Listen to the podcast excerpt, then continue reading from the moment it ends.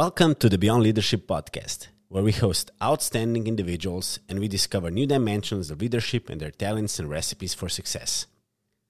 This is our 26th audio tip of the week. Here are some fun facts about number 26. Did you know that Rubik's Cube can always be solved in 26 moves or less? And Theodore Roosevelt was the 26th president of the US. In a human foot, there are 26 bones.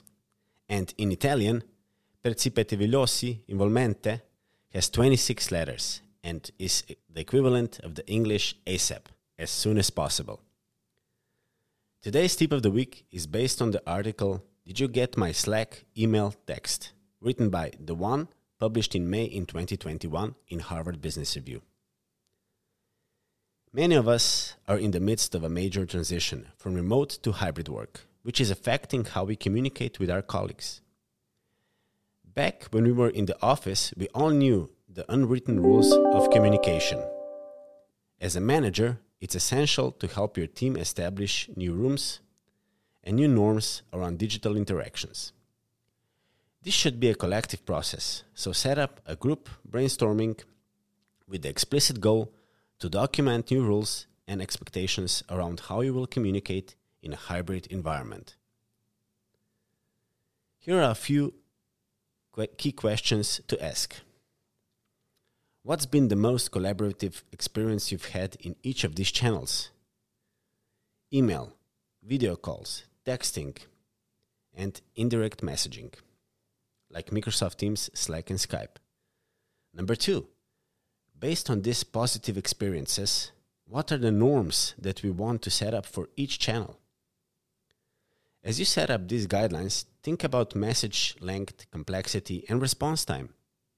How long is too long for indirect message? Do you want to put a limit on the number of people to include in a group? When, if ever, is it appropriate to text someone? What is the expected response time for emails?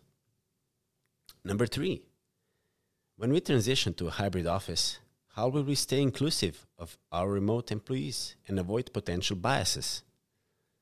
Number four, given that many of us are working asynchronously, how will we be sure to communicate when we are working while still respecting everyone's personal time? Once you've outlined the team's ground rules, document them and share them in a public place so that people can refer to them when needed. But don't assume they're set in stone. Check in with your team after a few weeks to see if the rules of engagement to be tweaked. It's essential for managers to establish norms around digital communication with their teams. Having a detailed guide will help ensure that everyone on your team is on the same page and has the same expectations, regardless of who is working from where. What channel do you use mostly? You have written guides on how to communicate in hybrid environment? This was this week's tip of the week. Make sure to subscribe and follow us on all podcast channels like Spotify, Apple, Google, Castbox, and also follow us on YouTube, LinkedIn, Instagram, and Facebook. And we also have a new website, beyondleadership.si. Till next time.